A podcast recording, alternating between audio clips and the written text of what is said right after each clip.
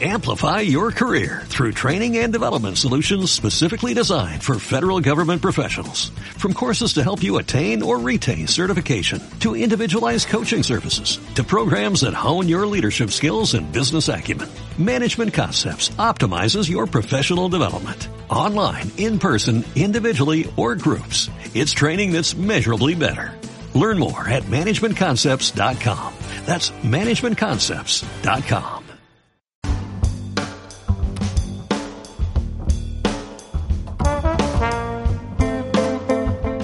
Este cap de setmana el Delta ha patit els efectes d'una nova llevantada, lo tercer temporal d'esta tardor que ha posat de nou de relleu la seva fragilitat. Des que el temporal Glòria va tornar a posar-nos al centre de l'actualitat del passat gener, han sigut molts els polítics que han vingut a fer-se la foto i prometre que la situació se solucionaria, però el cert és que avui, gairebé un any després, estem on estàvem i no hem avançat pràcticament gens. La taula de consens va emetre un comunicat el passat dissabte en el que denunciava la situació i avui Avui tenim a l'altra banda de la línia telefònica a Javi Curto, portaveu de la taula de consens. Bon dia, Javi, i benvingut. Hola, bon dia. Moltes gràcies per atendre-nos. Avui t'hem volgut contactar per parlar no només d'aquest comunicat que vau emetre el passat dissabte, sinó de la situació en general. Arran del comunicat, constateu vosaltres des de la taula de consens, una taula que agrupa ajuntaments i els regants de les dues bandes de, dels dos canals de l'Ebre, constateu que la situació ha millorat més bé poc, no?, respecte fa un any? Bé, eh, la veritat és que, malauradament, la definició correcta és que estem igual que just abans del temporal Glòria.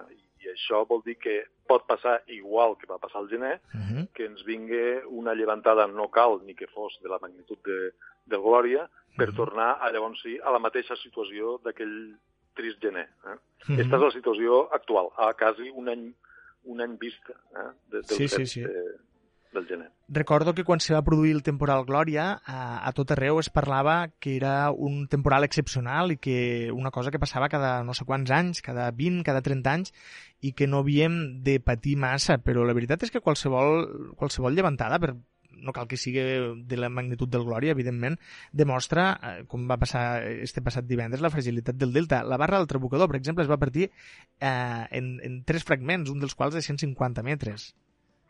Sí, uh, tots els que uh, vivim al Delta, que, que el xafem contínuament, pues sabem que des de fa anys la seva situació és de, no, no de fragilitat, diríem de màxima fragilitat. Uh -huh. I, clar, davant d'esta situació, que és la, la que és, és, és així, eh, ja no cal parlar dels motius i potser de la deixadesa d'anys i panys, eh, pues, clar, eh, ens trobem que davant d'una situació normal, que tots sabem que ara estem a la tardor, a la tardor hi ha llevantades, sabem que a la primavera hi haurà llevantades, que inclús excepcionalment ne pot haver una a l'hivern, com va passar a la Glòria, i que aquestes llevantades, eh, encara que siguin no, les normals, la, la, les que estem acostumats, clar, davant d'un delta tan fràgil, pues els, els efectes poden ser una altra vegada catastròfics. No cal ni, ni esperar un glòria. Uh -huh. I sense anar més lluny, pues tots tenim les imatges d'este cap de setmana. Ja tornem a ser-hi, en la barra del trabucador trencada, uh -huh. eh, un dels calaixos de Buda també en comunicació directa amb el mar, uh -huh. i la, tota la zona de l'Emidelta Nord, com pugui ser des de Rio Mar hasta els Bascos o la Marquesa, uh -huh. eh, a punt, a punt, a punt, eh, s'escaparà o s'ha escapat de miracle, i també la mateixa situació a la part del goleró de l'ampolla. Eh, I, per tant, això és la realitat i això és el que ens vindrà avui, demà i passat demà i, i això és el que ens trobem eh, en, a, a la realitat a, a peu, a peu de, de delta. Eh? Ja fa, fa molts anys que la sensació de fragilitat eh, és una constant. Sempre, cada vegada que hi ha un petit temporal, es posa de manifest. Ja, ja no vull parlar dels bascos com a gran símbol, que ho és, de la regressió del delta, però, però sí que la sensació que fa és que cada vegada s'escampa més, abasta més, més parts del delta i que, i que en realitat és tot lo, de, lo delta i no un punt concret el que està en risc. Eh, Vatos, des de la taula de consens, quines són les propostes que feu per a revertir la situació? Des de la taula de consens, eh, les propostes que vam fer, que les vam fer el gener, això ho vull recordar uh -huh. a, a tothom que ens escolta, eh, tenim unes propostes molt clares i molt concretes i, a més, en la visió que tenim de l'experiència, del que està passant des de fa molts anys del Delta, i també en una visió eh, lo més eh, pragmàtica i el més possibilista de cara al futur. I, bàsicament, el que considera la taula de consens és que, primer, el que s'ha de fer és aturar aquesta situació d'extrema debilitat del delta. Això és el primer que hem de fer.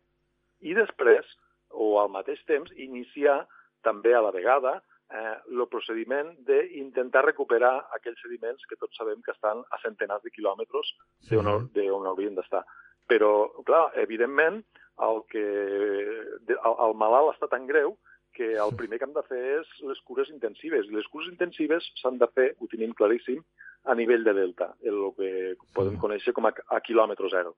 I les propostes que es van fer, repetixo, al mes de gener, i per tant així ho tenen les dues administracions principals, que són l'Administració General de l'Estat i a la Generalitat de Catalunya dins del, a la Conselleria de Territori, doncs la proposta que, que nosaltres vam fer és que aquestes zones, que estan plenament identificades i que coneixem tots de màxima fragilitat, el que s'ha de fer és reforçar-les. I una manera de reforçar-les és intentar que eh, tornen a agafar aquell, a, a, aquell, a, aquella situació eh, de, de, de màxima naturalitat, que és la que aguanta o pot suportar eh, l'energia d'aquestes tempestes. I tots sabem també que això vol dir allargar en, primera, en una primera instància eh, la base de la platja. I per allargar la base de la platja el que necessita són sorres. I les sorres les tenim plenament identificades el dia que eh, es trauen d'un lloc on van a parar. I tots tenim identificats que, per la dinàmica marina pròpia que vivim al delta, els dos punts de concentració de sorres n'hi ha diversos, però els punts principals són els extrems de les dues puntes, tant de la badia nord com de la badia sud. I, per tant, la, primer, la, la primera reacció que s'ha de fer és eh, una mobilització, però mm, com, com està plantejada al pla, que no estem parlant de milers de metres cúbics, sinó centenars de milers de metres cúbics de sorra, i resituar-la al lloc que cal. Esta seria una manera d'intentar apaivagar els efectes de les llevantades normals. I mentre, mentre, s'han de fer altres coses. Eh? Sí. Però, eh, com a primera instància, eh, està claríssim que s'ha de fer aquesta actuació a nivell de costa. Javi, aquesta actuació i aquesta proposta que feu des de la taula de consens, quines objeccions troba per part de, de les administracions a les quals us dirigiu? Mira, les principals objeccions que troba és que, eh, claro, les administracions estan acostumades a presentar projectes o solucions al, a la temàtica que sigui a partir d'una obra ben concreta, a la qual destinen, si volen, milions d'euros, eh, la inauguren i, i s'ha acabat. Eh? Eh, esta és la, la idea que, que, que preval en els, en els gabinets tècnics de, de les administracions. I clar, eh, nosaltres el que ens hem fixat és en el que fan en països pues, del nord d'Europa. I en països del nord d'Europa, on tenen problemàtiques semblants, ells tenen molt clar, i, i estic parlant de països que tenen convenis eh, internacionals, no d'un país, sinó entre dos o tres o quatre.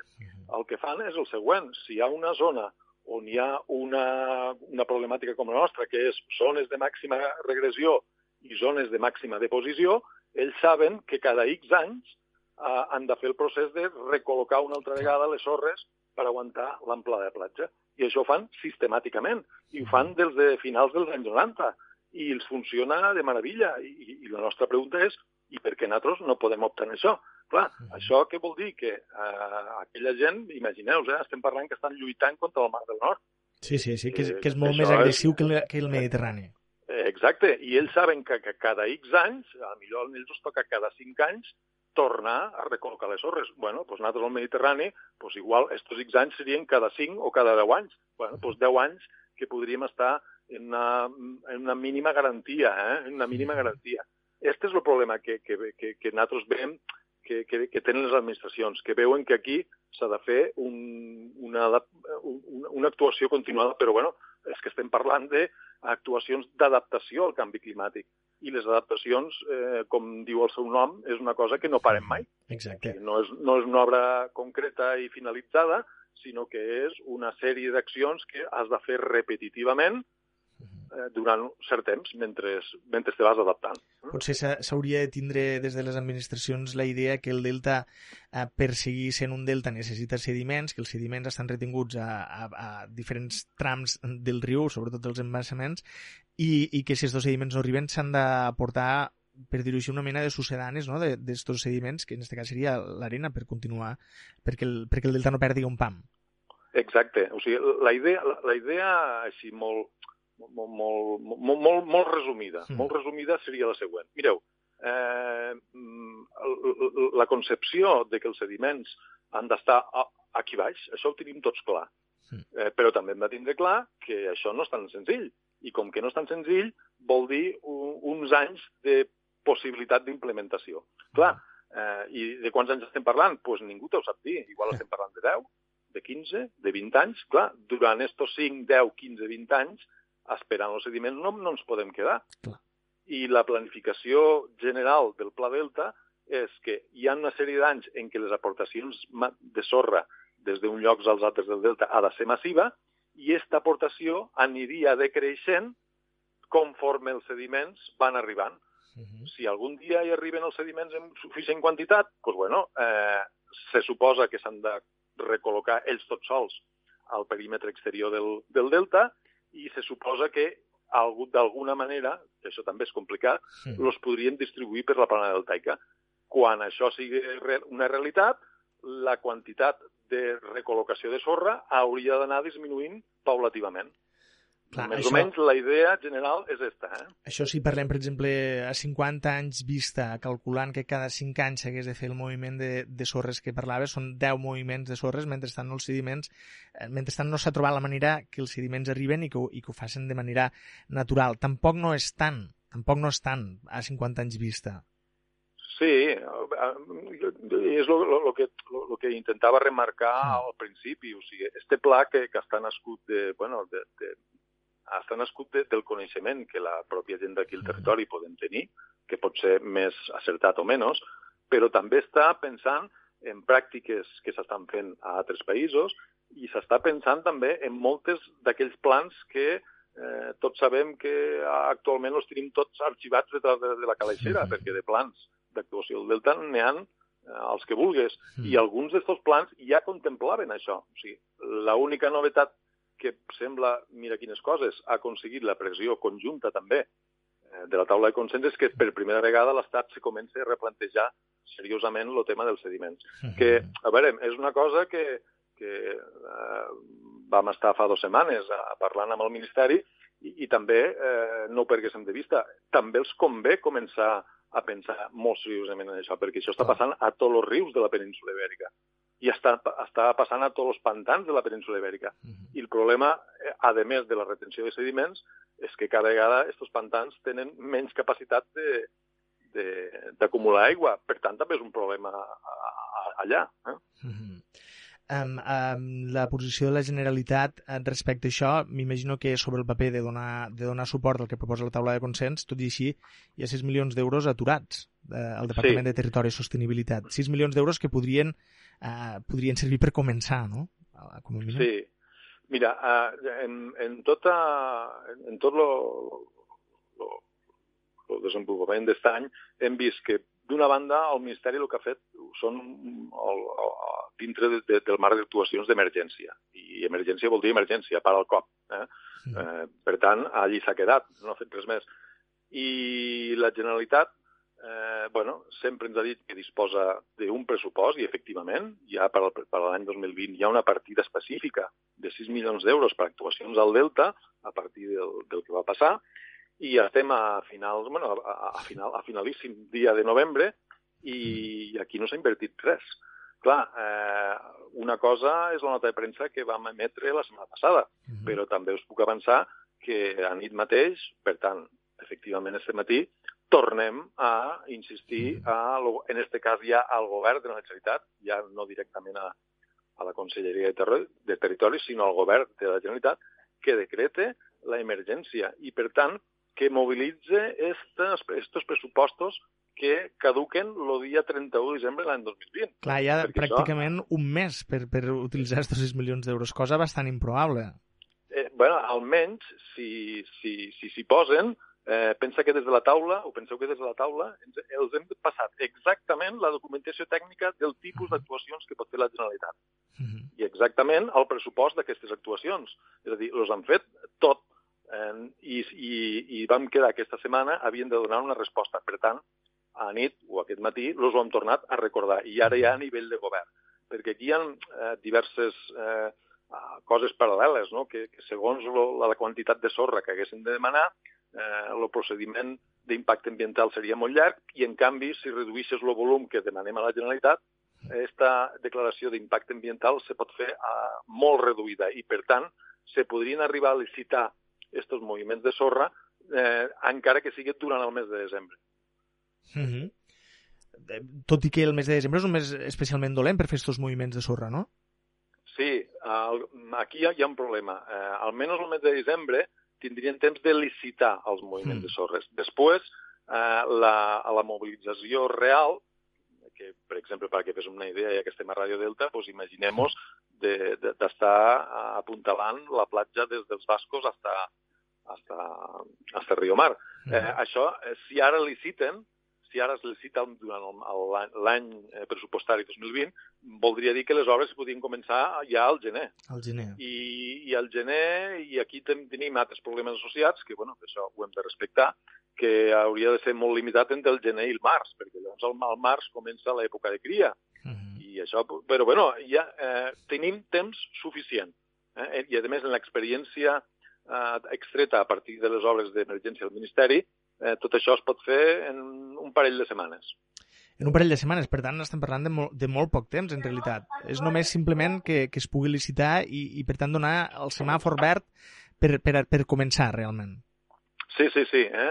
D'este paquet de 6 milions d'euros, perquè tothom ho sàpiga, una part important eh, els demanem és que s'hi posin d'una vegada en decret d'emergència, perquè estem davant d'una altra emergència, sí a apuntalar aquestes zones de màxim risc, que tots, insistim, són les de sempre, l'Emi Delta Nord, uh -huh. el frontal de la Illa Buda i la, i la barra del Trabucador i també lo, la part del goleró de, de, de l'Ampolla. bueno, eh, una part important d'estos 6 milions aniria destinat per això i altra petita part, una petita part, los demanem que facin coses que no estan fetes. I coses que no estan fetes són coses com, per exemple, el pla de gestió de xarxa Natura 2000. I això és molt important perquè després, quan vingui el tema del pla hidrològic, que és any 21 s'ha de tornar a generar un pla hidrològic, uh -huh. el, a, el, quan arriba el moment de fer les al·legacions, si no hi ha una documentació tècnica que avale l'estat real del delta, eh, no fem res. O sigui, ja pots escriure els papers que vulguis, ja pots fer les manifestacions que vulguis. Si no et bases en eh, l'anàlisi oficial de l'estat del delta, i allí s'ha de posar ben clar com està, eh, no pots alegar res. I si aquesta documentació bàsica no està feta, pues la documentació que els arriba a la Che, per exemple, Exacte. és que l'estat del delta és favorable. Normal, no? Està Exacte. tot bé. No reconeixen que hi ha el problema de regressió, Exacte. que hi ha un problema de subsidiència. Exacte, exacte. Això, entre altres, no? I això, bueno, aquí la clau seria de, de, de constatar com estan els hàbitats perquè aquí no ens han no d'enganyar. Uh, L'estat dels hàbitats naturals és el nostre cavall de batalla. Si ells estan bé, nosaltres estem bé. Si ells estan malament, és el que està passant ara. Javi, si tenim resposta esta setmana uh, d'esta licitació, podrem ser optimistes de cara al 2021? Bueno, hi haurà una part d'optimisme. Eh? Ojalà la Generalitat se posi d'una vegada, una vegada per totes, eh, se posi al front o al costat eh, per a fer uh, estes, estes, estes obres d'emergència, almenys que són d'emergència. Però hi haurà un altre front que està obert, que és l'estratègia que ens va presentar fa un parell de setmanes el Ministeri. La presentació molt escueta de per on van les seves línies, doncs la veritat és que no ens va agradar gens, perquè estava molt concentrat en un tema que, que, bueno, que, que tots mos temíem i que diem no no s'atreviran. I, i sí, s'atreveixen eh, a, dir, a dir-te que el primer que s'ha de fer és un, un nou delimitació del domini marítim i terrestre. Sí. És a dir, això vol dir 500 metres cap atrás, així a grosso modo. Eh? 500 metres de delta que passarien a ser platja, per entendre'ns, per dir-ho planerament, no? I que, i que per tant exercirien aquestes funcions de contenció del temporal. Exacte, eh, però si reflexionem, això és el mateix que no fer res. Exacte. Eh, o sigui, al final... O sigui, al final, de fet, si és, no, si és no legalitzar la inacció, no? Podríem dir. Exacte. I legalitzar la, la, la, la mort i, Sí. i l'essagnament de, de, del, del delta. Així, en aquestes paraules que has dit tu. Exactament. Suposo que hi ha marge encara per la, per la negociació no? i la discussió amb l'Estat. Sí, eh, nosaltres en això confiem, perquè no podem fer-ho d'una altra manera, com, confi eh, i efectivament, eh, en el, el mateix dia que ens van presentar eh, el seu pla estratègic, nosaltres ja en vam sol·licitar reunions, sobretot ens interessen a nivell tècnic, però també a nivell polític. Eh? I eh, ja hem començat els intercanvis d'informació en un sentit i en l'altre. Eh, I el que estem fent és intentar reorientar aquesta estratègia general del, de l'Estat.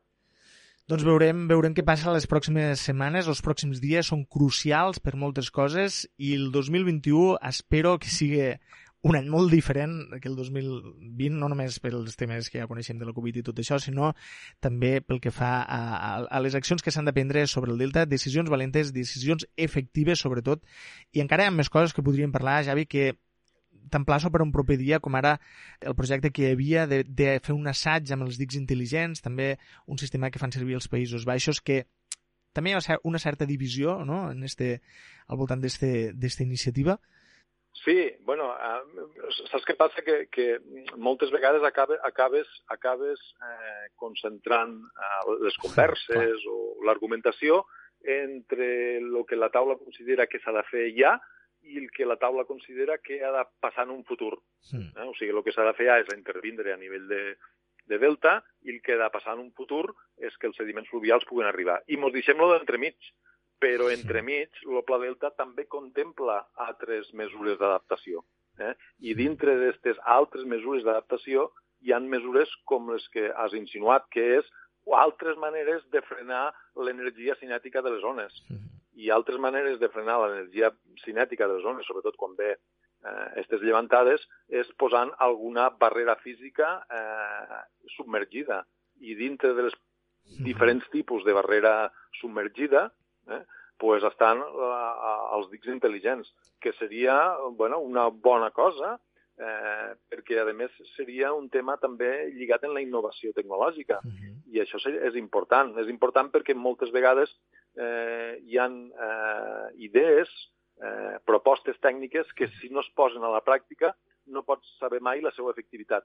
I aquesta és un exemple d'això que estem dient, no? que a més eh, vindria recolzat per fons europeus i també crec també és un dels temes que ha caigut, ha caigut per dir-ho d'alguna manera, del pla estratègic del, del Ministeri. I nosaltres, evidentment, continuarem insistint-hi. Eh? Hi ha tantes coses per a fer, tanta feina al Delta encara, Javi, que podrien començar ara mateix i no parar fins d'aquí molt de temps, i tot només perquè el Delta sigui el que volem que sigui, que és simplement això, no? Que sigui, que, que siguis que sent. Sí, sí. No, no, Sí, no anem ja. més enllà. Sí, sí, no, és, és que aquí bueno, hi, ha, hi ha arribat un moment que la situació és tan extrema que, que ens estem jugant el que tenim baix als peus i això, això és molt greu, eh? Sí, sí, sí. No, és, és, és molt greu perquè si no ho vols veure, doncs no ho mires, però allà està. Javi Curto, portaveu de la taula de consens eh, del Delta, moltes gràcies per accedir a parlar als nostres micròfons eh, endavant amb la lluita i esperem tindre notícies molt pronte i tornar a contactar-te perquè ens les expliques. Així ho esperem i moltes gràcies a vosaltres per atendre'ns. Moltes gràcies, Javi, i fins la pròxima. Fins la pròxima. Adéu.